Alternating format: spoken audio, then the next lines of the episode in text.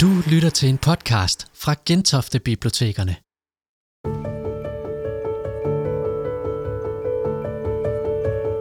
Torsdag den 20. maj besøgte byrumsarkitekt Jan Gel Jægersborg Bibliotek.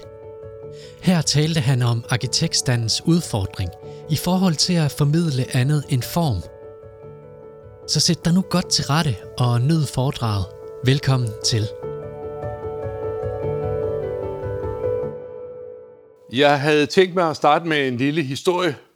Når man er meget gammel, så kan man få flere historier samlet sammen over tid.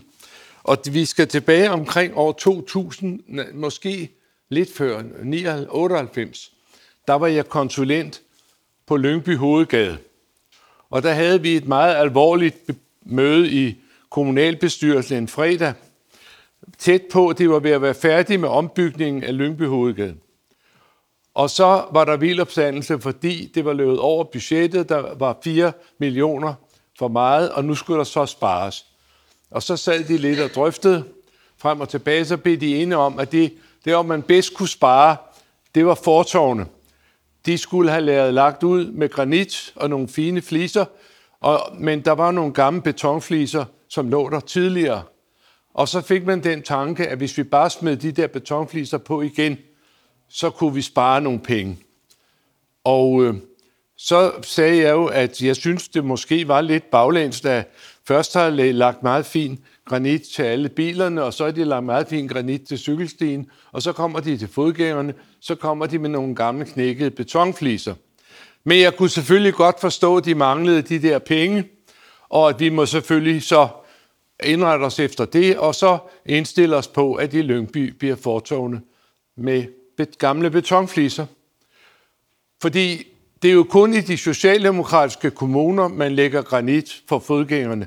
Det gør man i Odense, det gør man i Aalborg, det gør man i Esbjerg, det gør man i, i øh, øh, Svendborg, og det gør man øh, jævnt hen. Men jeg kan selvfølgelig godt forstå, at her må man så lægge det. Så mødtes vi igen om mandagen, så, så var der problemet løst. Så havde de fundet pengene i løbet af weekenden, det var meget flot. Så nu ligger der granitsten hele vejen fra væg til væg i, i Lyngby, selvom det ikke er en socialdemokratisk kommune. Og når vi nu er i gang med det, så gik jeg rundt i eftermiddag sammen med stadsarkitekten fra København, Camilla van Dørs, som er en meget god bekendt af mig, fordi jeg har haft hende som studerende, og hun har været ansat på vores firma. Jeg har haft hende som forskningsmedarbejder. Jeg har faktisk været sammen med hende i 25 år, inden hun blev statsarkitekt. Hun er meget dygtig til byrum. Og der gik vi så rundt, og der har de jo mange tanker i Københavns Kommune, og, og de laver mange ting. Og i forbindelse med Københavns Kommune, der kan man jo sagtens pege på nogle byrum, der er lavet i stand. Og så tænker man lidt på, hvad med Frederiksberg? Ja, der er selvfølgelig sket nogle ting derude. Der er kommet cykelstier. Og så er der også lavet Solbjerg Plads for the better and the worse. og øh, så kom jeg til at tænke på, hvad har man egentlig i Gentofte? Så kunne jeg ikke komme i tanke om noget. Og så tænkte jeg, måske har de ikke nogen stadsarkitekt i Gentofte. Måske er det en lille fattig by, ligesom Frederiksberg var det engang. Øhm,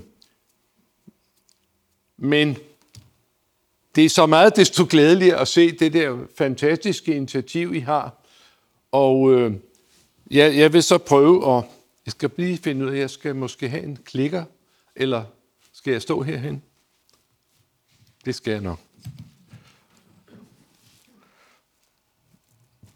Nej, men øh, jeg fandt, eller jeg fik det her billede af dig, og det viser jo første etape, hvor man lige har lavet de første tre stænger, og det får jeg at vide, at det er fra 1939, lige før krigen, der begynder man på det. Og så har jeg et billede her af The Good Old Days, fordi det, der er et meget, meget skarpt skæld i hele arkitektur- og byplanhistorien, og det er modernismens indførelse øh, i løbet af 30'erne, og især efter 2. verdenskrig. Og det skal jeg komme lidt mere ind på, for det er en meget vigtig del af forklaringen. Inden modernismen, så byggede man jo byer for mennesker, det var lavet af mennesker, for mennesker, det var til at gå i, og de var lavet efter menneskets højde og bredde og vores sanser. Det var i menneskelig skala. Alle bygninger i byerne, de forholdt sig til rummene og lå langs rummene og dannede rummene. Det var the good old days. Inden modernismen kom frem, så var det jo altid, der var fokus på rummene. Alle byer bestod kun af rum. Og når man så for eksempel tænker på de gamle byer, som for eksempel København, så kan man jo altid kan man det samme sige, kan du øh, nævne mig nogle byrum i København, nogle gader og nogle torve, og så kommer man jo i gang med strøget og strædet og gamle tog og nytorv og havsepladser, videre og videre. Kan du nævne mig nogle bygninger i København? Ja, der er jo, der er jo Rådhuset og, og så Domkirken og Amalienborg, ikke? Og så kan man gå nogle ganske få bygninger, kan man huske, og, og ligesom er, står frem, ofte offentlige bygninger, som har haft en særlig funktion. Alle de andre huse i de gamle byer var helt anonyme, og deres opgave var at danne de rum, hvor livet foregik. Og det er meget, øh, hvis man læser i gamle bøger og ser gamle kort, så beskriver man altid byerne ved hjælp af de rum. Og det, der var karakteristisk for de rum, nu skal vi lige se, om vi kan... De rum, det var jo, at alt livet foregik i de der rum. Det var der, man øh, gik fra den e- ene funktion, øh, der man færdedes, der trafikken foregik. Det var der, man solgte varer, hvor fiskerkonerne stod. Det var der, hvor man kronede kongen og huggede hovedet af forbryderne. Og øh, det var der, hvor man havde øh, bryllupsceremonier og kirkelige processioner og alt i byerne foregik i rum, der var lavet af mennesker for mennesker. Det var menneskelivet, der foregik i rum. Så kom modernismen, og nu skulle det hele laves om. Hvis man går lidt tilbage for at forstå, det gør vi allerede her. Øhm, hvis vi går lidt tilbage, så kan vi se, hvorfor kom nu det der store revolution, hvor hele grundlaget for at lave byer blev lavet totalt om. Og vi skal nok tilbage til koleraepidemien i 1854, hvor allerede på det tidspunkt begyndte lægerne at sige, at det var nok lidt dårligt, at man boede så tæt. Man var ikke helt klar over, hvordan sådan noget koleravirus blev bredt sig, men det, de, man mente nok, det kunne være kloakken. Og, og øh, der var jo virkelig en meget stor tæthed i den gamle København. Det var der i alle byerne, og det blev værre op til århundredeskiftet, selvom Lægerne var begyndt at fatte mistanke til den store tæthed og spredningen af bakterier og virus. Øhm, lægeforeningen lavede så en mønsterbebyggelse for, hvordan folk burde bo ude i Brumleby på Østerbro ved Trianglen. De er lavet i 1858, og de ligger der stadigvæk, og er stadigvæk et meget attraktivt sted at bo. Lægeforeningens boliger, Brumleby. Øhm, lægerne de blev også dygtigere efterhånden og begyndte at have idéer. De havde idéer om, at lyset var godt, og at frisk luft var godt, og at hygiejne var vigtigt. Og man begynder så at se det, vi kalder pavillonhospitaler. Og der kan vi for eksempel tage Frederiksberg Hospital, vi kan tage Bispebjerg Hospital, Kommunehospitalet faktisk også, hvor man så siger, at de spedalske skal bo, eller det var de jo ikke dengang, men de skal bo adskilt fra dem og dem og dem, og så får man en række pavilloner, der ligger spredt ud i terrænet. Bispebjerg er en meget flot bebyggelse. Øh, det, jeg tror, det er Nyrup, der har lavet den, og den er lavet i 1913. Der var man så begyndt at sprede ud sådan. Øhm, omkring århundredeskiftet havde man i byerne, det blev bare tættere og tættere. Man kan også lige sige omkring koleraen, at det førte jo til, at Københavns volde kom ned, for der var for lidt plads i København, der var for stort tryk på kedlen, og så kom voldene ned. Nu var svenskerne også øh, blevet fredelige. Øhm, så kom, og englænderne var også taget hjem efter at brændt byen af i 1807. Og øh, der var jo den der krig i 1848-50, hvor mange norske og svenske var med danskerne ned og slås mod tyskerne i, i Jylland og Slesvig-Holstænderne. Så der var ikke bekymring for Svend, man tog voldene ned. Og øh, lykkeligvis, så nu taler vi om København, så lod man jo stort set voldterrænet være, undtagen lige ved Rysgade, eller ja, der, Rømersgade hedder den. Var. Der i forlængelse af Grøntoget. Og der øh, fik vi så en række tårer, Østre Anlæg og, og Ørsteds, eller hvad hedder det? Øh, ikke, den her ikke Ørstedsparken, det hedder... Hvad siger du? Hos Ørstedsparken, måske, ja. Botanisk have. Og hvad der måske er mest interessant, at vi fik Tivoli. Og det er sådan set meget sjovt. Nu, nu er jeg virkelig ude at væve her. Men i den gamle tætte by, der var der slet ikke nogen rum til overs der var kultorv, og der var grøntorv, og der var det alt sammen brugt til noget. Så når man skulle have rekreation i en gammel by, så måtte man op på volden. Og vi har masser af referencer til, at man går på volden, jomfruer sig alt på volden, sole. Og op på volden, øh, der var også noget med, med øh, Stor Bededag, der skulle man gå på volden. Op på volden begyndte der så også, det var så det sted, hvor man promenerede, og der begyndte forskellige Øh, gadeartister og bjørnetrækkere og jonglører og sådan noget, de samledes og lavede sjov op og forsøgte at få nogle skillinger ud af borgerskabet, der marcherede forbi. Og hvor, hvor gik de hen og, og med deres kunstnere? De gik selvfølgelig der, hvor volden var rast, nemlig på sydsiden, den sydvendte vold. Det var der, man havde underholdningen. Og da så volden kom ned, så købte Carstensen lige det sted, hvor det plejede at være. Så lagde han det bare ned. Og når man ser på Tivolis veje, så følger de øh, i, i store træk øh, formen på volden. Og når man ser på søen i Tivoli, så er det simpelthen den gamle voldgrav, der ligger der med nogle slag. Så vi skal ikke langt tilbage for at finde alle de her spor. Men det var så sundheden, der førte til, og overbefolkningen, og fornemmelsen af, at det var ikke så godt at bo så tæt. Øhm, der skete så det inden for byplanlægningen, at man begyndte efterhånden at få en hel del viden fra lægerne om det her.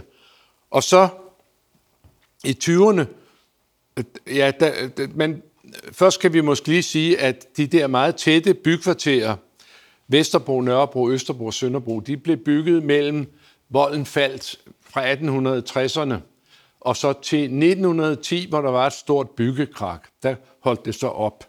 Og der byggede man alting 21 meter højt i fem etager. Og hvis man ser ud over de der københavnske brokvarterer, så er det fuldstændig skåret af. Det er fuldkommen plant.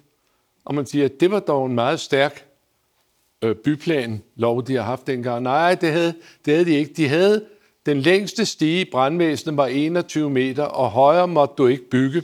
Og det overholdt så alle sammen. Så hele, det er utrolig homogent de der, men alligevel var det ret tæt, især i de fattige dele på Nørrebro og Vesterbro, der byggede man jo første og anden baggård. Østerbro var noget bedre. Sønderbro, det, det talte man aldrig om. Øhm, heller ikke dengang.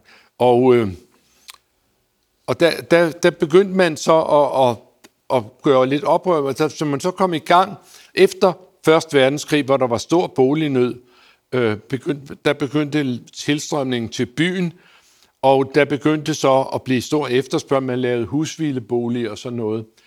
Og så kom byggeriet i gang igen, og der var man så begyndt forskellige steder med noget byggeri, der var meget mere orienteret mod sol og lys og luft. Der var nogle engelske veldedige bebyggelser, blandet. Sunlight. Øh, Sæbefabrikken havde lavet en Port Sunlight, hvor det var rigtig sundt, og de lå med mellemrum. Og øh, der var også øh, Garden City, øh, havebybevægelsen i England med, med rækkehuse, og det var også meget sundt, og alle havde lidt jord.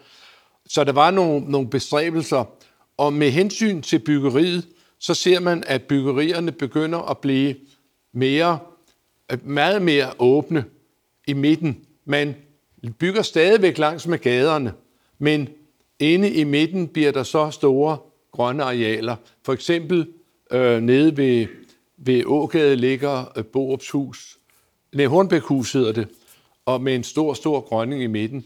Og der ligger også en på Vestbro, der, eller Østerbro, der hedder Solgården, og det er simpelthen en karib, hvor man bare har skåret et ordentligt hul ned mod solen, så der kunne komme sol ind i gården. Man begyndte på forskellige måder.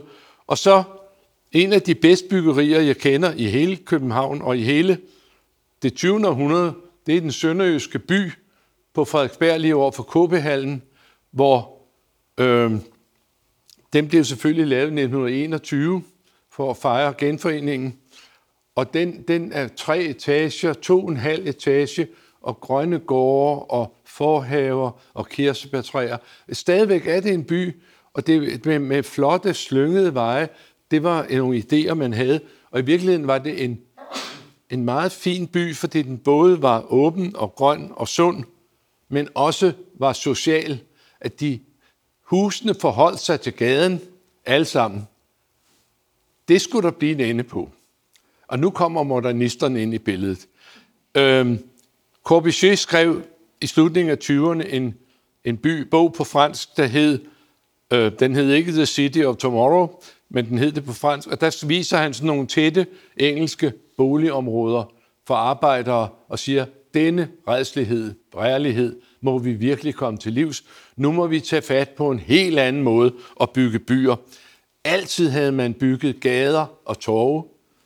Nu begynder Corbusier også at sige, at det er jo netop gaderne, der er det slemme. Der er både gadepiger, der er gadedrenge, der er gadeoptøjer, der er gadens parlament, og der er barrikader, når der er oprør. Vi skal ikke have nogen gader. Han siger også, at det er denne mørke, lumske, skumle kloak, der går gennem byen. Gader? Nej, vi skal have græs. Og øh, husene skal ligge adspildt, og her kan I se nogle af skrækscenarierne. For neden her skriver han den gamle, forfærdelige by med alskens handel og vandel og folk, der går der tæt sammen. Og for oven den nye haveby med de fritliggende huse med masser af græs. Det var meget sundt. Ved siden af noget fra en svensk, fra en svensk bog, der siger, at det er det gamle system, det gamle ubrugelige system, med, hvor de ligger langs med gaderne med et stort rum i midten, og så med tårne på hjørnerne og gadedør ud til gaden, alt muligt skidt. Og så siger han, det her er så 20'erne, der gønner man lidt med at åbne op på midten. Men først her, hvis vi lægger det ud på den der måde, begynder vi at få det virkelig moderne system. En af, øh, I 1933, det er så omkring 5-8 år efter, at Corbusier skriver den der bog, at nu må vi tage skeen i en anden og lave byer på en anden måde. Der mødtes Europas byplanlæggere under ledelse af Corbusier og Gropus, de var der alle sammen, nede i Athen på et krydstogsskib, hvor de drøftede den fremtidige byplanlægning, og hele formålet var, at de skulle lave et nyt charter for byplanlægning. Og det fik de lavet, og det hed Athen Charteret, og det blev kolossalt bety- øh, indflydelsesrigt. Og der blev de enige om at skrive, du må aldrig, aldrig, aldrig nogensinde lægge boliger, arbejdssteder, rekreation og kommunikation, transport sammen. Altid læg dem i hver sit kvarter, i hver sin del. Det skal altid adskilles. De sagde også noget andet. De sagde, væk med alt det gamle, usunde skidt. Nu må I forstå, at nu er vi inde i en ny tid. Nu skal vi bygge for et helt nyt væsen, nemlig den moderne mand. Og der tales ikke så meget om den moderne kvinde på det tidspunkt, men det var den moderne mand. Og der er så vist nogle af bøgerne, vist illustrationer af den moderne mand. Han løber for fuld fart fra sengen hen til arbejdspladsen med sin mappe og tilbage igen. Og øh, nu skulle vi bygge rationelt og fornuftigt for ham. Og øh, der skulle man så, der duede det ikke med gader og alt det Nu skulle der, nu, øh, Corbusier definerede den lodrette haveby, i det, at han siger, at det kan være lige så højt, det skal være. Det afgørende er, at du kan se noget græs. Så bliver det en haveby. Senere hen kunne du bare se parkeringspladsen, men det var så noget andet. Her er Corbusiers idealby, og det, han viste, hvordan principperne kunne applikeres på Paris. For at få en rigtig god by Paris, så skulle man bare tage alting væk. Og så skulle man øh, lægge alle, øh, lave 24 højhuse, hvor alle pariserne kunne sidde og kigge ud af vinduet og se på deres smukke by oppe fra vinduerne. Det, der var, det, der sker som skift i byplanlægningen, det er, man skifter fra at være fokuseret på rummene, på ibstrup og den slags ting. Det kommer vi tilbage til. På tårne, og til at være fokuseret på objekterne. Det kan nok være, at arkitekterne var glad for den ændring, for det pludselig blev det enkelte hus. De skulle ikke forholde sig til gaden, de skulle ikke holde sig til noget som helst. Alle huse skulle kun forholde sig til sig selv. Og det blev så melodien derefter. Og alle husene skulle laves til det moderne mand, der skulle kunne løbe rationelt. Man definerede byen som en rationel maskine, og for at undgå øh, konflikter og undgå også sygdomme, og der havde man jo især tuberkulose i tankerne der i 30'erne. øh, så skulle man lægge dem alle sammen spredt, og det var kun bygningerne, der talte, det var objekterne, der talte. Alt det, der ikke var bygget på, det var til oversjord. Og det skulle selvfølgelig være grønt, så var det godt. Og det her er hans plan for Paris, der desværre ikke blev opført, kan man måske sige. Øhm, nu sagde jeg før, når man tænker på de gamle byer, så tænker vi hele tiden på, på Strøget og Gammeltorv og, og gråbrødretog og så osv. I de nye byer kan vi ikke huske en eneste rum. Hvis I tænker på Ørestaden, hvad kan I komme i tanke om i Ørestaden? Er der nogle rum, I kan huske der? Hvad kan I huske på Ørestaden? Der er jo et 8-talshus, der er et hus, der hedder Bjerget, der er et M- og W-huset, der er Fields, og der er Færingshøjhus. Det er sådan, hvad man kan huske om Ørestaden. Rummene kan man ikke huske, for det, det har slet ikke været inde i fokus. Mens til gengæld begynder arkitekterne virkelig at leve op. Nu har de fået fri, nu er det huset, der er det vigtige, og det skal kun forholde sig til sig selv. Det behøver ikke at, at, at tage farve efter, hvor det skal ligge. Du kan lave hvad som helst. Og det gør man så. Man får så i løbet af sidst i 2000 i 1980'erne, 90'erne, så får man begynder man at have de her architects, der laver de mest... Man begynder at konkurrere med, hvem der kan lave den mest morsomme form. Der bliver i den grad en fokusering på formen, og det er bare, det er lidt, der er Kuala Lumpur, der er Peking, og der er London, og det, alle byerne er med her. Alle sammen har de noget mundret, som er opstået i den periode. Det var ligegyldigt, hvordan det så ud. Og det hele kan man så se samlet sammen i for eksempel Dubai. Den består jo ikke af rum, den består af, af tårne og huse, bygninger, objekter. Det hele er ordnet op fra alt det der. Og øh, med, med den her nye måde at bygge byer på, hvor det ligger frit, der begynder byer også at blive noget, man kan bestille over internettet og sige, vi har ikke en bygning af Norman Foster endnu, men vil du ikke flyve over og komme med et højhus til os her i København? Det skulle så have været i Tivoli, det blev ikke til noget. Men der begynder arkitektur, byarkitektur at være noget, man kan bestille per katalog. Det er ligegyldigt, hvor det skal være, fordi de har hver deres, deres brand. Og så kommer det til at se sådan der ud. Og efter min er Dubai jo ikke nogen by, men en samling af højhuse, der ligner parfumeflasker. Alt det her det kalder jeg samtidig Brasilia-syndromet. Fordi med alle de her tanker, der gik jo en fantastisk vind gennem alle, alle arkitektskoler, alle arkitekter. De var helt vilde med de her nye idéer at bygge for den moderne mand, og nu skulle vi ikke bygge byer mere, nu skulle vi bygge objekter, og vi skulle bygge spændende huse. Og den måde byer blev bygget på, det var, at man jo Øh, hvor man tidligere med rummene, der, der byggede man jo nedefra, og sagde, der skal så være det, så, så må det være så højt, og ellers skyder det for ham, og det skal være så bredt, du kan lige komme igennem. Nu begyndte man at planlægge for alvor, og derfor blev den typiske modernistiske by, den blev lavet i model, hvor arkitekten hang 5 km op i luften over modellen, og så stod han der med de her objekter og placerede dem. Og når der var et interessant mønster, så var det en god by. Og selvfølgelig så skulle, øh, så skulle boligerne her, og hospitalerne der, universiteterne der osv. I 1955 så blev alle de moderne idéer samlet i en by.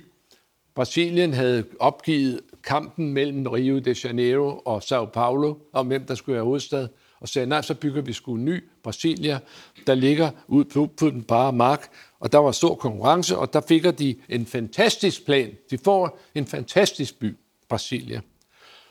Og den er så fantastisk. Fra, fra, fra, op fra en flyver, der er den så fantastisk. Der er det nemlig en ørn. Og ørnen har to vinger, og så har den en hoved. Og, og hovedet, det er jo parlamentet og, og, og præsidentens bolig. Meget passende. Og katedralen ligger sikkert også der. Og så ligger alle ministerierne på række, og så ligger, først ligger alle universiteterne til en ene side, og, og hospitalerne til en anden side, og så ligger resten af boligerne ude i vingerne. Utrolig flot byplan. Når man flyver hen over Brasilia, så kan man se hvor de flotte tanker. Når man flyver i helikopter hen over Brasilia, så kan man se den flotte parlamentsbygning, den store grønning i midten. Man kan se øh, de kæmpe store pladser osv. Øh, men problemet med Brasilia, det er så, at når man kommer ned i øjehøjde, så er det noget værre skidt. Det er noget forfærdeligt noget. Det er slet ikke tænkt, der skal bo mennesker, og de havde ikke haft råd til, at de skulle have helikopter alle sammen, så de kunne få glæde af den der flotte komposition.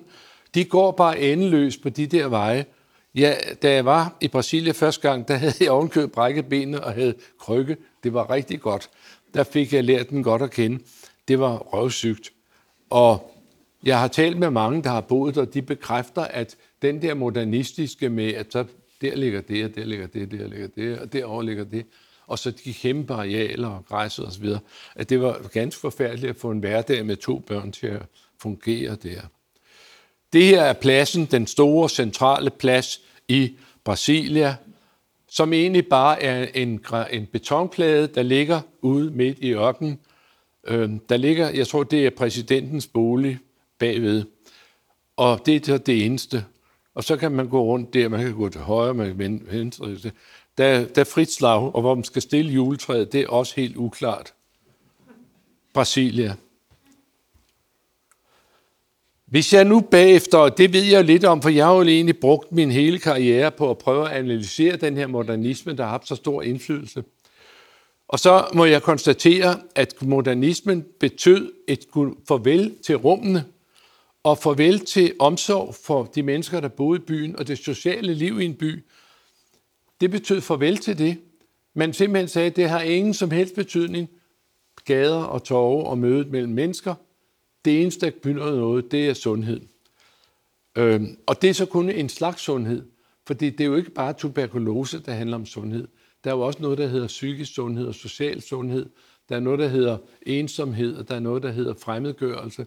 Alt det begyndte vi at opleve i 60'erne, da vi begyndte for alvor at tage fat på det, at man opgav, for at få det her sunde byggeri på den der måde, så opgav man, ja, man vidste ikke noget om det, men så opgav man sådan set de sociale fællesskaber, der var i et byområde. En anden ting, som der skete med modernismen, det var, at hvor man i de gamle byer, der blev bygget til mennesker, øh, havde en god menneskelig skala, så i de nye byer, der var der slet ikke nogen, der tog sig af skala. Der, det bliver aldrig bygget nede i øjehøjde. Det bliver bygget oppe fra flyver, og når det så flot ud der, så må det vel være godt. Men folk i byerne kom til at flagre rundt i de der ubestemmelige rum, og den der mangel på forståelse for den menneskelige skala, det er så noget, man stadig slås med i dag. Jeg vil påstå, at der er meget få arkitekter, der kan jonglere med skalaer på en fornuftig måde. Vi er skrubt forvirret med skala. Så er vi til Danmark igen. Og så kigger vi lidt på modernismen, som jo kom med buller og brag. Nu skulle det alt sammen bygges på den måde. Og der har vi helt klart en tidlig venlig fase. Modernismen i 30'erne og 40'erne. Det var det var den venlige modernisme. Man kaldte det også rugbrødsbyggeri. At nu så overholdt man reglerne, der skulle være afstand imellem, der skulle være grønt imellem, og de skulle vendes mod solen, og hvis jeg lægte dem som rugbrød, så kom de alle sammen, fik de lidt grønt og lidt sol, og så kom de til at ligge på den måde. Det var, jeg kalder det sådan set en ret venlig modernisme, fordi man brugte gammel byggeteknik. Man kunne kun bygge Øh, altså man byggede en 3-4 etager, og man byggede få opgange ad gangen. Det var ikke kæmpe byggerier med 10.000 mennesker. Det var overskuelige enheder, og der var også tæt til jorden, og der var små haver og sådan. Det var egentlig meget skværdigt. Det her er, er Ryparken. Et andet bebyggelse fra den tid er Blida Park nede ved Strandvejen. Ja, og så var der den her. Øh, og det er typisk for den periode. Det er bare rugbrød, og det har fået en lille, en lille krølle på for en dygtig arkitekt, der synes, at krøller må der til. Men det er jo selvfølgelig modernismens princip med hus, grønt, hus, grønt, hus, grønt. Og da man ikke interesserede sig for rum overhovedet, så bliver det en rundkørsel for trafikken, man kommer op med der, hvor de to gader mødes. Sådan startede det. Og øh, sådan startede Ibstrup Bytorv, og egentlig startede det jo, nu er vi der, der var jo små butikker. Vi gik lige herude og talte om, at øh, dengang havde man så den tanke, at når bare der i alt var alle de butikker, der skulle være, så kunne der være ismejeri der, og så gik man 200 meter, så var der et vaskeri, og så gik man 200 meter, så var der en fiskemand.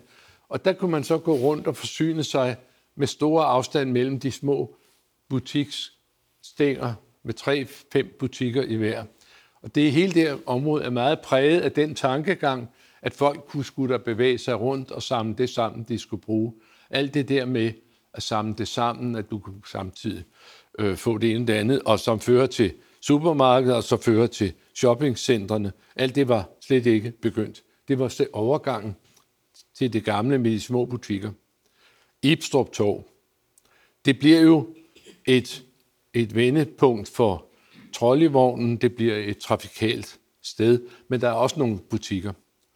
Og hvis vi så, så ser vi på den her plan af hele det her område, så kan vi jo se, at det er 100% renlivet modernisme, fuldstændig som Corbusier kunne have drømt om det, med stænger og grønt og stænger og grønt og stænger og grønt, og så nogle butikker, der ligger lidt for enden nogle steder, og så et lille torv, der starter som en, en rundkørsel for trafikken.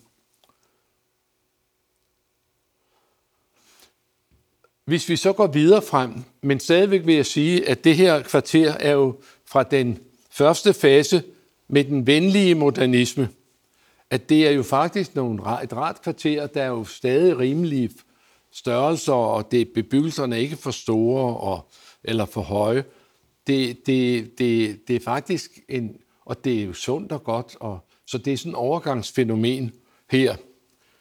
Så kommer næste fase, det er så efter krigen, især efter 1960, så opstår der jo gradvist under krigen en stor bolig efterspørgsel, bolignød, og Urban Hansen kommer til i 62 og siger, jeg har tre mål med at være overborgmester i København. Det er boliger, boliger og andre boliger. Og man kunne slet ikke bygge det antal boliger, der skulle bruges med de håndværkere, der var i Danmark. Og for at få boliger nok, man havde idéer, om, man kunne bygge sig ud af bolignøden. Man skulle bare bygge nok. Så måtte man mekanisere byggeriet og industrialisere det, og så begynder man at bygge virkelig modernisme i den helt store stil. Øh, der er urbanplanen, nu er det betonbyggeri, øh, og det er fuldkommen det samme som ude i Jægersborg. Det er bare mere råt og mindre charmerende på enhver måde. Og så begynder man også at, det bliver mere og mere tydeligt, at det, der virkelig spiller en rolle, det er kvantiteten, Hvert år stiller boligministeren sig op og fortæller om, hvor mange tusind boliger man har bygget i år. Der bliver aldrig stillet spørgsmål om det var gode boliger. Og så siger man så, nu har vi bygget Danmarks længste hus, som om det var særlig godt at bo i et langt hus. Og man begyndte også at sige, at det var særlig godt at bo i et højt hus. Det var der heller ikke nogen, der havde evidens for. Tværtimod begynder man at få viden om, at det måske ikke er så godt at bo højt, især ikke hvis man er børn, der ikke kommer så meget ned at lege. Jo højere op du bor, jo mindre kommer du ud. Det er bevist mange gange. Men den der modernisme, den, den, øh, der kommer så en meget kraftig antimodernisme bevægelse, især i Danmark, og det skal jeg fortælle lidt om om lidt. Øhm, Men jeg må konstatere, at modernismen findes jo stadigvæk. Den, og, og et af eksemplerne, det er Ørestaden. Det består af objekter og ikke nogen rum, der er ved at snakke om. Og jeg ved, at de har jo siddet med deres modeller og synes skide flot det her, Egon. Prøv lige at se her. Så laver vi en, en å, der slynger sig sådan her. De har jo virkelig modsat. Og hvor der ellers til Aarhus, havnen, havneområdet i Aarhus, det er decideret modernisme, hvor hver arkitekt har siddet, og hvad finder jeg på her, og at lave noget specielt. Og så kommer de op med deres mærkelige, og rummen imellem er alt for store, og det er for blæst, og netop her i havneområdet burde de lave læ og sådan noget. Det har ikke været i tankerne. Det har været i tankerne at lave noget, der var spektakulært. Modernisme. Nå, så var vi frem til 1998. Der havde jeg en stor oplevelse.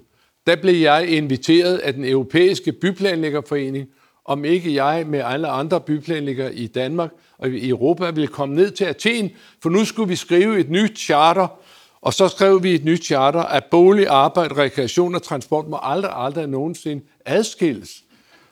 Og det tog kun 65 år at finde ud af, at det ikke var så god en idé at skille det hele ad. Og med til historien om det her antituberkulosebyggeri, det er selvfølgelig, at allerede under 2. verdenskrig opdager man penicillinen, og man, øh, og man får antibiotika mod tuberkulose. Så i få, få år efter krigen var tuberkulosen faktisk skudt til hjørne af lægerne. Man begynder også at blive mobile, så folk får nogle små biler, de kører ud i skoven, hvis de gerne vil se noget grønt. Og man begynder at få en rejseaktivitet, så man tager til syden og får solskin. Man behøver. Så nogle af de der ting, man, man ligesom var modernismens bærende elementer, solskin, lys, afstand, grønt, det begynder man at få på andre måder, og det, de skulle beskytte mod tuberkulosen, det var ikke noget problem mere. Og man kan sige, at bakteriesygdommene, det var jo dem, man havde i tankerne. Og virussygdommene, det er sådan lidt det samme. Jeg er jo blevet spurgt mange gange her om, i den her periode, hvilken effekt vil covid coronasituationen have på byggeriet fremover? Og jeg mener, at når jeg tænker på modernismen, der lavede alt det der i 65 år for at komme af med tuberkulosen, det var en helt forkert idé at sætte arkitekterne til at komme af med den. Det var lægerne meget dygtigere til. Vi, det vi kan gøre med arkitekturen, det er jo at sørge for især de sociale sider af samfundet, at børn har nogen at lege med, at de gamle har nogle gode steder at gå hen, og at der er et, sam, et samhørighed i, i, i boligområderne og naboskaberne. Og så nogle ting, der kan vi virkelig jokke voldsomt i det, eller også kan vi hjælpe det på vej. Det er det, som man kan med byggeriet. Men at bekæmpe virus, det kan vi ikke. Der har været nogen, der siger, at nu skal vi alle fortov skal være 6 meter, for vi kan være langt nok fra hinanden fremover. Og alle elevatorer skal være 6 gange 6 meter, så vi kan stå i hver sit hjørne. Det er jo det rene vrøvl. Vi bygger jo nogle få procent af byggemassen om året, så inden vi får lavet alle elevatorerne 6 gange 6 så vil der gå 100 år, så har man fundet på noget andet imens. Så lad lægerne om bakterierne og virus, og så må vi tage fat på de andre ting. Nu må vi vise til noget andet. Jo, jo. Hvad sker der ellers der i efterkrigsårene? Der kommer jo bilinvasionen. Og det går virkelig, virkelig stærkt i 60'erne hvor det her bliver bygget faktisk. Eller det bliver bygget i 50'erne, ikke? Er det ikke fra 50'erne det meste af det? Ja. Så det, men biler var begyndt at komme. Drømmen om bilen var kommet. Der var stærke valutarestriktioner, og man kunne ikke få lov at importere biler, og man skulle have tilladelse af varedirektoratet, og det var meget svært. Så begynder man at lukke op, og når man først er lukket op for posen, så går det frygende stærkt. I 15 år, fra 1958 til 1973, oliekrisen, der kommer der 200 ekstra biler på de danske veje hver dag i 15 år, også om søndagen.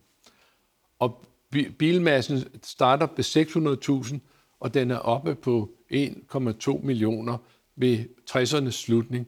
Det fyrer ind med biler.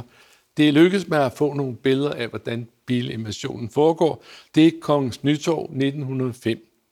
Og det, der er interessant ved den scene, det er to ting. Det ene er, at folk går fuldkommen rolig og glad rundt. på dette smukke byrum. Og det andet, der kom en enkelt bil, men pyt med det. Det gør ikke noget. En sporvogn er der også, og en hestvogn og en cykel er der sikkert også. Øhm, det andet, det er, at folk går rundt, og det er meget smukt byinventar, for der var ikke ret meget af det, og man gik jo langsomt rundt om hver lampepost og kunne se, hvor fint den var lavet af støbejern, og der var ganske få elementer, fin københavnerbænk og fine lamper. Hvis man ser på sådan et billede, hvis man så ser i dag, så er jo, hvis der står 50 elementer på en plads, hvad der næsten altid gør, så er de 48, det handler om biltrafikken, om og, og, og, og vejvisning, den vej og den vej, og parkering forbudt, og parker, handicapparkering, og øh, hastighedsbegrænsning, og pas nu på, og jernbane forude, og vand nedene.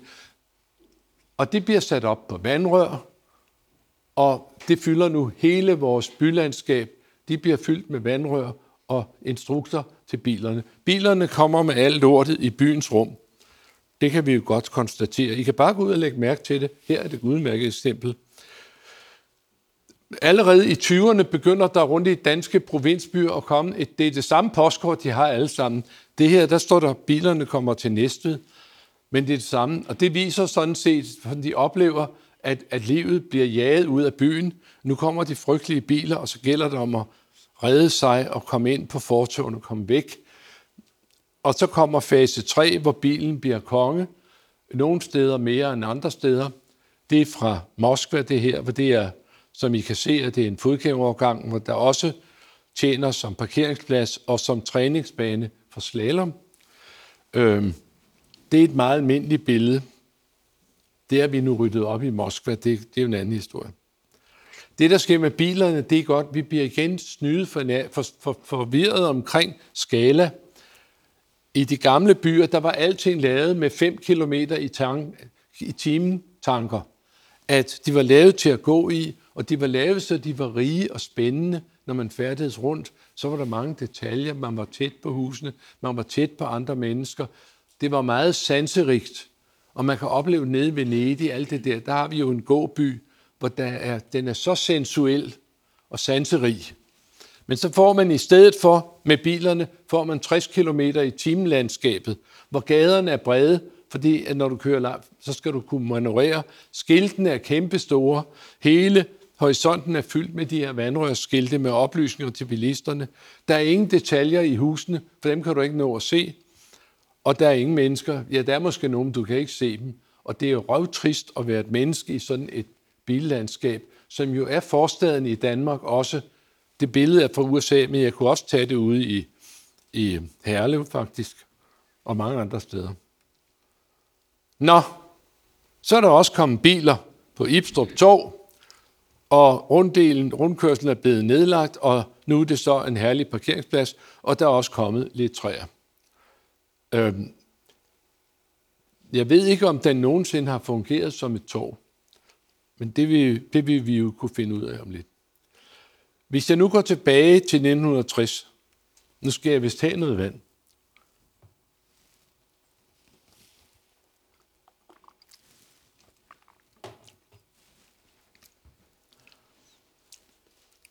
Hvad vidste man egentlig om, hvad byggeriet betød for menneskelig trivsel og for, og for livskvalitet omkring 1960, hvor alt det her tog fart, øh, der vidste man faktisk ikke noget. Øhm, der begyndte over fra USA, der var der en journalist, en arkitekturjournalist, der begyndte at sige, hvis modernisterne og motoristerne kommer til at plage, præge byplanlægningen fremover, så bliver det der ikke storartede byer, great cities, så bliver det døde byer. Jane Jacobs, og hun regnes nu så for gudmoderen for den humanistiske byplan, den menneskeorienterede byplanlægning. Så skal jeg fortælle meget kort, det, det ved jeg godt, det går jo ikke at fortælle det kort, men mit, mit eget liv i en kort version. Jeg og Knud, vi fik afgang i 1960, og øh, når jeg tænker tilbage på min tid på arkitektskolen, hvad brugte vi tiden til der? Vi lærte at blive gode modernister. Vi lærte om alt det der moderne, hvor fantastisk det var, at vi skulle bygge for den moderne mand. Alt det gamle lort skulle vi vende ryggen. Nu skulle vi lave alt det der. Vi tilbragte dagene over modeller, hvor vi stod og flyttede rundt på objekter. Og det der var en af professorerne. Han var jo ikke professor på Københavns skole, fra Sverige. Lindstrøm hed han, og han var berømt for at sige, et godt boligområde er noget, der ser godt ud fra motorvejen. Og her er et af hans gode boligområder, der sikkert ser godt ud, i hvert fald fra flyveren, og sikkert også fra motorvejen. Også da vi gik på arkitektskolen, så fik vi at vide, at det betød ikke meget, hvordan, hvad det var, vi lavede, for det folk tilpasser sig. Det, hvis bare det er smukt eller godt, altså Arne Jacobsen var meget stor tilhænger af æstetik. Hvis bare der var æstetik på drengen, skulle det nok gå alt sammen. Det lærte vi, og vi lærte også, om det byggede højt eller lavt, eller bare det var gode proportioner og god æstetik, så skulle det nok gå alt sammen. Folk tilpasser sig. Det lærte vi på arkitektskolen dengang. Og jeg får ud af arkitektskolen og skulle lave alt det her fantastiske, jeg lige havde lært. Og så var det jo, at, øh, at jeg traf en psykolog og blev gift med hende, og så fik pipen jo en anden lyd. For så var vi jo mange unge arkitekter og unge psykologer og sociologer, der mødtes, og de blev ved med at sige, hvorfor I arkitekter overhovedet ikke interesseret i mennesker? Og hvorfor lærer I ikke noget om mennesker på arkitektskolen? Og hvorfor tager professoren deres billeder af monumenterne kl. 4 om morgenen, så de er sikre på, at der ikke er nogen distraherende mennesker i forgrunden, når de skal se på dem til forelæsningen? Øh, den historie, som vi blev så gift der, og vi snakkede selvfølgelig meget om byggeri, for der var virkelig gang i den. Man byggede tre-fire gange mere, end man gør i dag, boliger over hele landet. Det for op. Og det vi kiggede ud af vinduet og så, det var så noget som det til højre. Og hvor har jeg nu taget de her billeder? Jamen dem har jeg jo taget i en udstilling, der netop nu er i gang nede på gammel, nede på, på øh, Dansk Arkitekturcenter, den hedder Bag Facaden, og de har ovenikøbet vist, og det er jeg meget stolt af, at de har ordentligt fået mig med her midt i det hele. Øhm, og der øh, har de været så flinke at prøve at lave sådan en, de har lavet en særlig niche eller loge omkring, hvad øhm, jeg og min kone har lavet med hensyn til at gøre oprør mod modernismen og prøve at få mere humanisme ind i byggeriet. Og det er jo meget smukt af dem, og, og det var dejligt at se, hvor, hvor, hvor, ivrige vi var dengang. Øhm, selv, det er, det er en lang historie, jeg skal jo love at gøre den kort, men øhm, jeg oplevede på den tegnestue, hvor jeg var, og jeg sad og restaurerede kirker i først i 60'erne hos Eksner. Og så kom der en meget kristen mand op til Eksner, der var kendt, fordi hans far var provst så det var et godt kristent navn, og Eksner var en god borger.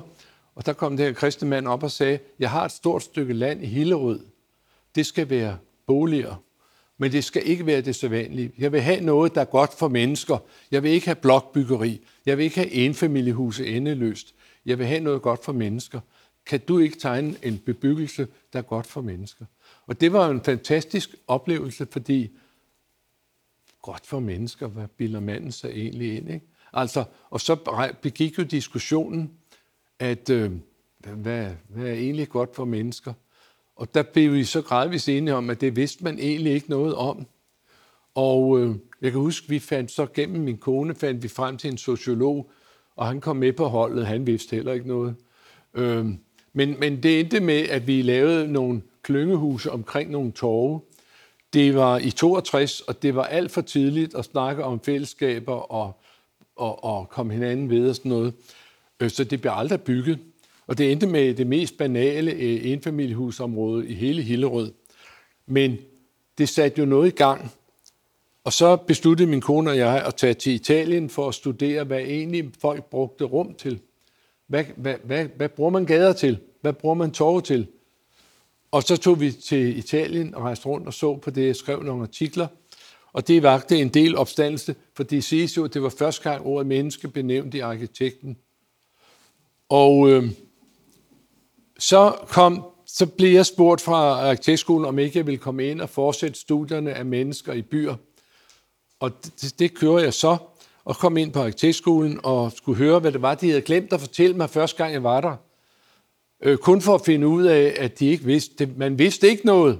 Vi måtte starte helt fra bunden og finde ud af noget. Og øh, jeg blev så nødt til at blive der i 40 år, for at få noget mere at vide. Jeg sad på min bagdel og kiggede på livet uafbrudt i 40 år. Alle mulige steder, i Italien og i Danmark og i, alle, øh, i Syd, Sydafrika øh, og Sydamerika og Japan og Grønland. Og der finder, det er en lang historie, den skal jeg jo ikke gøre så lang. Øh, men der var helt klart nogle mønstre, der var ting, som vi kunne gøre meget bedre. Der var ting med en række måder, vi kunne meget højere grad bygge byerne efter, hvordan måde mennesker brugte den på, i stedet for at sige, at de kan bare tilpasse sig. Vi fandt jo ud af meget om, hvor langt man egentlig kan gå, og hvor langt man kan lægge bygninger fra hinanden, så man kan råbe stadigvæk, eller ikke kan råbe hinanden op, og menneskeskala alt muligt. Jeg skrev en lille bog i 1971. Den har i år 50 års jubilæum. Den hed meget typisk Livet mellem husene, for det var det, som modernisterne overhovedet ikke havde taget sig af. De har sagt, at livet mellem husene, det er jo bare skidt. Det gælder om for græs mellem husene. Og så begyndte vi at undersøge, at der faktisk var nogle kvaliteter ved livet i en by. Og der kom så en bog mere, der hed Byer for mennesker, meget senere, 40 år senere. Og, og det, det er sådan en historie med, at øhm, øh, det, på et tidspunkt kom Realdania til. De kom til i år 2000, og de var nede på arkitektur og sige, det der med de mennesker i byerne, det synes vi er en god idé. Har, har I penge nok til jeres forskning? Det skal man ikke sige til nogen på et universitet. Det kom de til at fortryde. Øhm, så sagde de, I kan få, altså, skal I have nogle gæsteprofessorer, skal I på nogle studierejser, skal I have nogle PUD'er? Og det, det var en stor tid. Realdania derefter. Desværre var jeg så gammel, at jeg måtte gå af allerede efter seks år, da jeg blev 70. Og, øh, og så, da jeg var sad fredeligt med mit eget firma og lavede byplaner over hele verden faktisk, så kom de sgu igen, de der rare mennesker, og sagde, ved hvad, Jan, kan du ikke sætte dig ned og skrive alt det, du ved efter 40 år, mens du stadigvæk kan huske det? Og så sagde de, så sagde jeg, jeg har jo meget travlt. Så er det ikke et spørgsmål om, hvor mange assistenter du har brug for, og, og så videre. Og så pludselig havde jeg tid, og så fik vi skrevet den. Og der har jeg jo så set til min... Det er jo den fordel ved at være gammel. Der kan man så se sit arbejde komme ud og gøre nytte. Jeg har så set den enorme interesse, der er for de her bløde værdier i byplanlægningen. Og set den her lille, eller det var ikke helt lille, men den her bog, Øh, I løbet af 10 år er den ude i, jeg tror vi er 37. Den første var byer for mennesker, og den nyeste er på tyrkisk, og den næste bliver på slovensk og på bengali. Og jeg har jo set med stor glæde, hvordan at man har jo ikke vidst meget om det her med, det, med mennesker i byer øh, rundt omkring i verden. Og jeg har jo set med stor glæde, hvordan alle mine bøger det er jeg meget, meget stolt af, de er jo blevet oversat og udgivet i Kina i meget store klumper og boblag. Det er så glædeligt. Desværre, desværre har de så ikke haft tid at læse dem derovre. Men det er der ikke noget at gøre ved.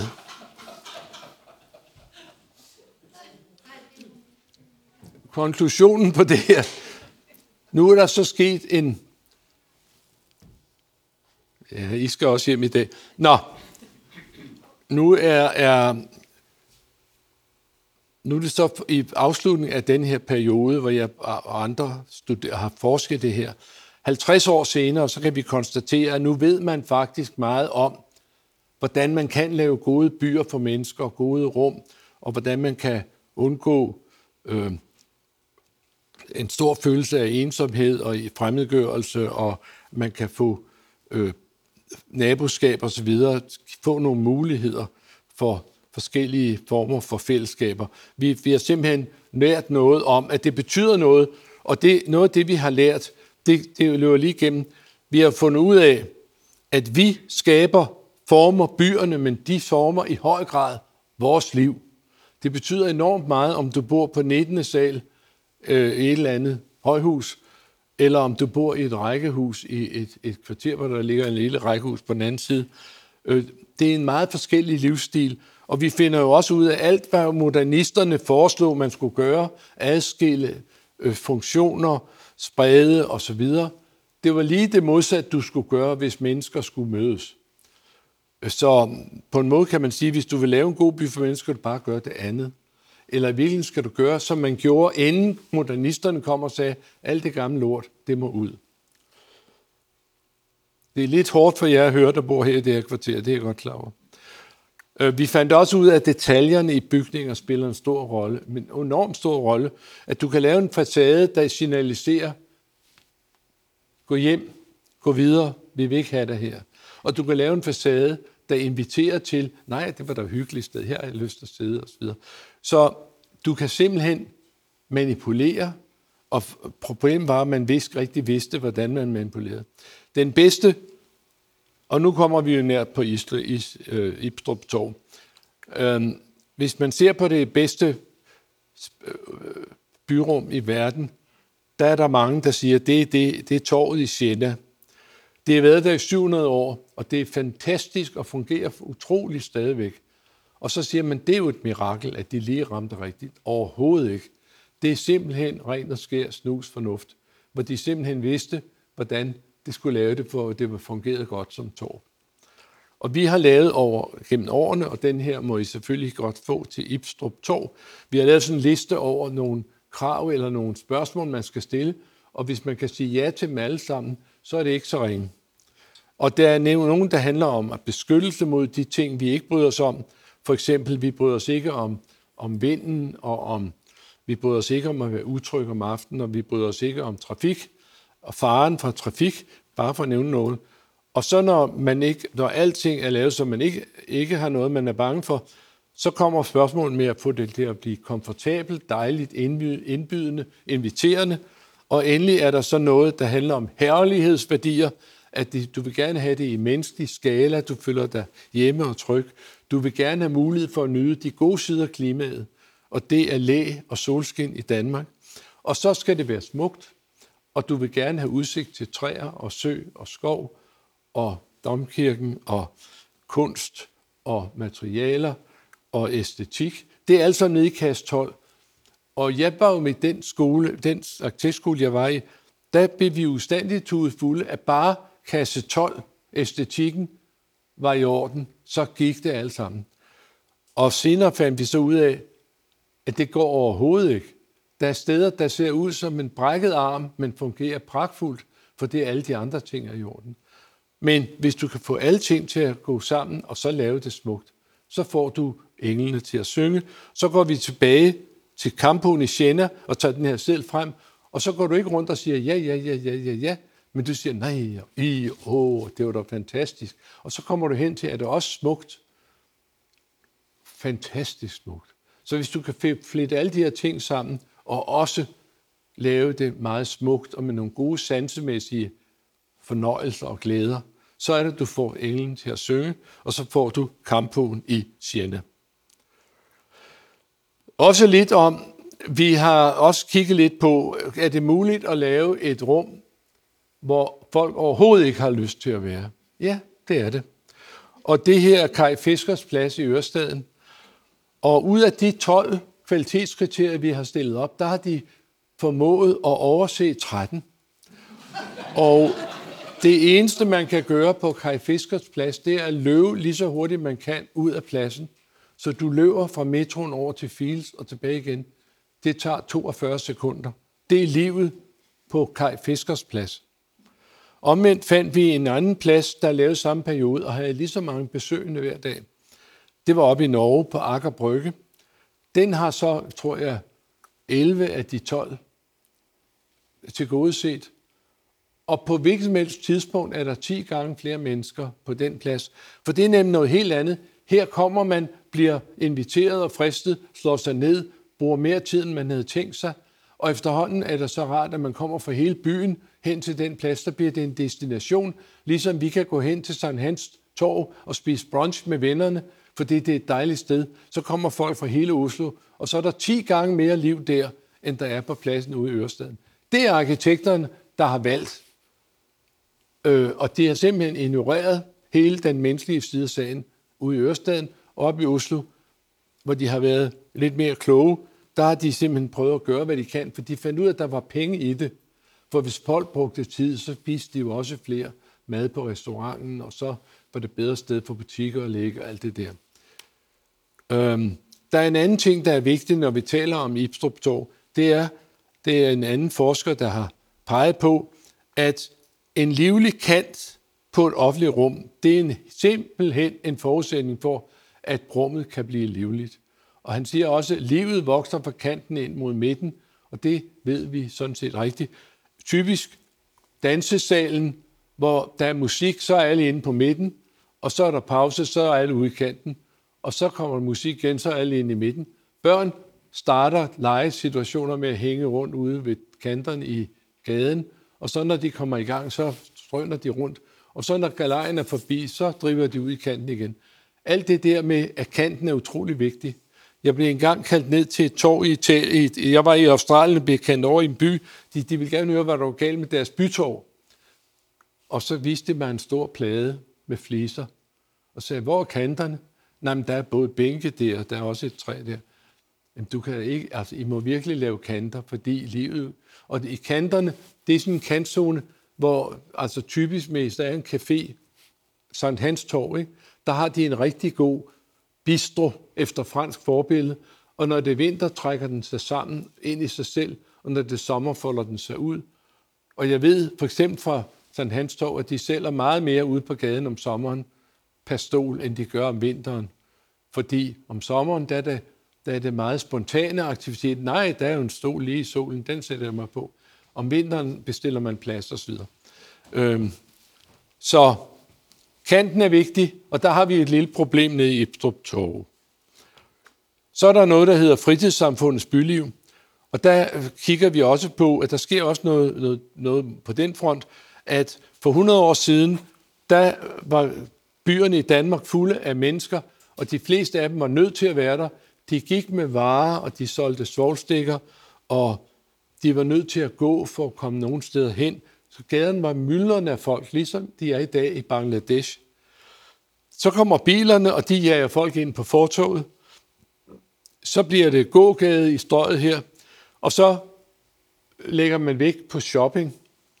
Så tager man bilerne ud for at få plads til, at kunderne kan komme til at... Så skal, ser man byen som et indkøbscenter. Men efterhånden, så kan vi jo se, at det byen, også København, bliver mere og mere en fritidsby, og fritiden får større og større betydning. Vi er en større og større del af vores liv, der har vi fritid, og mange går på arbejde for at tjene penge til fritiden. Og vi kan se et interessant ændring, at det begynder at være flere mennesker om lørdagen og om søndagen, end der er om hverdagen. Og spurgte man folk for 30 år siden, hvorfor er du i byen? Ja, der er i byen for at købe ind. Og spørger man i dag nogen i byen, hvorfor er du i byen? Ja, der er i byen for at være i byen. Jamen, køber du ikke ind? Jo, hvis der er noget, så køber jeg også noget. Men der ser et skift, at fra man kommer ind fra de der forsteder, hvor der er måske lidt småkedeligt, og der er måske masser af træer, og i stedet for at gå ud i dyrehaven, så går man ind til byen for at se mennesker. Det er et meget spændende skift, og man kan pege på, at der sker nogle ændringer. For eksempel, her kan I se det nye byliv på Søren Hans Torv, de, hvor man ligger og står, og altså man bruger tid, og man nyder sig situationen. Og man kan også se, efterhånden bliver der mere og mere vægt på sporten og på, på, på, at man skal bevæge sig, at man skal stå på rulleskøjter og køre på cykel og svømme i havnen. Og hvis vi ser lidt på nogle af byrummene i København og den her liste, så kan vi se, at Nyhavn er en af dem, der scorer alle 12. Og det er sågar, det er så bestemt det rum, der er mest populært. Der er så mange mennesker, at vi ikke har lyst til at komme der. Men de er der, fordi det har mange kvaliteter. Et andet sted, det er Sankt Hans Torv, hvor det også er mange kvaliteter, og hvor der er en meget... Mange tager hen til Sankt Hans Torv. Det bliver en destination. Og ejendomsmaleren kan fortælle, at hvis du har en bolig i nærheden af Sankt Hans Torv, og kan skrive det i annoncen, kan du få 40 procent mere for din bolig. Ja, med udsigt til Sankt Hans Torv, plus 50, ikke? Der er nogle eksempler også fra Sjælør, Sjælør, nej, ikke Sjælør Boulevard, Sønder Boulevard. Igen, at der har de sat den i stand, og så er alle ejendommene langs med, de har fået en større værdi. For det er en stor værdi at have nogle gode, aktive, levende, spændende byrum i nærheden af din bolig i fritidssamfundet. Nu er vi vist snart kommet så langt, vi kan... Ja, nu slutter vi her. Øhm, I min afdeling på arkitektskolen, der beskæftiger vi os jo meget med byrum, og alt det her med de her lister, og kan du gøre det ene eller andet. Og så var der en pige, der kom og sagde, ved du hvad, Jan, jeg har tænkt på, når en kat skal ud, så går den ud på, på dørtrinet, og så sidder den der, og så kigger den til den ene side, så kigger den til den anden side, så kigger den til den første side, og så efter en tid, så går den lige så langsomt hen til det dejligste sted i hele omgivelsen og lægger sig der. Og siger han, kunne man ikke bare sige, at at lave gode byer, det er ligesom at lave gode steder for katte. Du skal være, lave et sted, hvor en kat godt kunne lide at være, så skal folk nok trives der. Slut med det. Så kommer der et lille paradoks her. Øhm, det er borgmesteren i Bogotá, der siger, at nok ved vi en del om, hvad vi skal gøre for mennesker i byerne, men det er jo egentlig interessant, at vi ved meget mere om, hvad der er godt for sibiriske tiger og for, for gorillaer, end vi ved egentlig, hvordan en god urban habitat skal se ud, siger han. Det var så det. Så har vi her et typisk modernistisk område. Der er overhovedet ikke lagt vægt på rummene. Det hele går ud på øh, lys og luft og afstand mellem husene. Og dermed antyder også, at det er jo ikke nemt, at det er jo ikke i sådan et område. Når vi går ind i gamle byer og skal gøre dem rare, så er de jo lavet for mennesker oprindeligt. Så er det bare at rydde op efter bilerne ud med og væk og fliser på og bænke i stolen. Så, så er den hjemme, fordi skalaen er der, og funktionerne er der. Men en modernistisk by, det er meget, meget svært. Mange store boligområder, de går jo og kæmper med at lave bedre byer i Voldsmose og i Gellerupparken osv. Og her har vi så den her, det her sted. Og jeg vil lige vise jer et andet sted i verden her. Nu er vi i Rødovre. Og for mig at se er Rødovre det, vi kommer nærmest ved at have Brasilia i Danmark. Lige midt i her ligger Rådhuset. Lige midt i siden af ligger biblioteket. Et stykke derfra ligger der nogle boliger. På den anden side af vejen ligger Rødovre Center med 1.500 butikker. Og længere deroppe ligger Kulturcentret. Og længere deroppe igen ligger politistationen. Hver funktion delt ud med store grønne plæner imellem. Det er centrum i Rødovre. Det er den mest umulige situation, jeg kan forestille mig, og biblioteket er fuldstændig lukket af. Det er fuldstændig blank mur, så står der bibliotek på den. Og så er der rådhus, og så er der masser af græs, og det skulle være så godt. Det er lavet af Øret af Arne Jacobsen. Det er lavet lige på samme tidspunkt. Lidt senere. Det er lidt mere ekstremt end der herude, hvor det er den venlige, tidlige modernisme. Og så bare tog jeg det her med. Det er et lille torv, der lige er lavet i, i Rødovre. Det er et velkomstplads til Rødovre. Der ligger en strive butikker, og så har man lavet en faktisk meget pæn plads, hvor man så har lavet en gade, hvor der kører, hvor man kan holde kort tid. Og det er en fin gade med granitbelægning, og så har man lavet et torv, og så ligger ganske vist Roskildevejen her og larmer enormt. Men øh, det er sådan set på mange måder lidt pænt lavet, og det tænker jeg på, det var så et sted, hvor de har lavet sådan noget, men det er jo også en socialdemokratisk kommune. Tak for det. øhm, her vil jeg så sige, nu, nu, kom nu her. Nå, hvis jeg nu skal se på det her, I kan jo tage i min bog og finde den der tavle med de 12 spørgsmål. Ip, Ibstrup Torv, det vender jo mod øst. Det var satans uheldigt, fordi det skulle netop vende mod vest.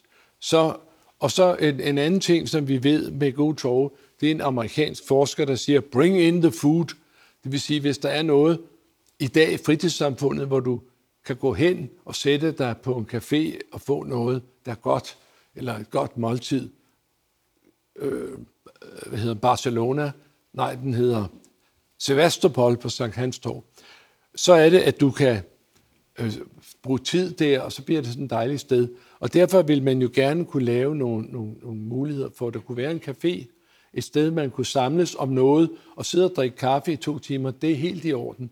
Der behøver, hvis bare sad, så vil man sige, alle mulige sige, hvad sidder han der for? Kan vide, om der er noget galt her? Skal vi kalde på politiet?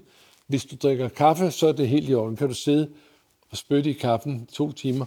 Altså, det vil være oplagt at lave noget, der kunne noget med, med, med, med at spise noget eller drikke noget. Så har vi den forkerte retning. Vi har også en støjende smakkegårdsvej. Men indledningsvis vil jeg jo sige, at man kunne nok lave en, et sted, hvor man kunne liste forbi med, med leverancer og sådan noget inde ved husene. Og så kunne man måske tænke sig, synes jeg ideelt set, fordi det er ude i hjørnet her, der er godt, der er sol, at man måske kunne lave en, en, en flad bygning, der rummede en café, så man fik en sydvendt eller vestvendt, eftermiddagsvendt facade. Det kunne være, man kunne det. Ellers er det, synes jeg, det er en svær opgave, fordi at det aldrig været meningen, der skulle komme mennesker der rigtigt. Andet end, end lige flygtigt. Når de var meget trætte, kunne de sidde på en bænk. Øhm, så det, det, hvis man vil lave et sted, der kunne blive et samlingssted i kvarteret, så kommer man til at se lidt dybere på det. Og sige, så må vi af med støjen, og så må vi fange solen, og så må vi have noget, de kan lave folk på det sted. Og så må vi have bogbyttebutikken med derover. Vi må have så mange ting hen der, som kan gøre, at, at tingene kan befrugte hinanden. Det er vel så langt, jeg kan komme på en torsdag. Og tak for mig.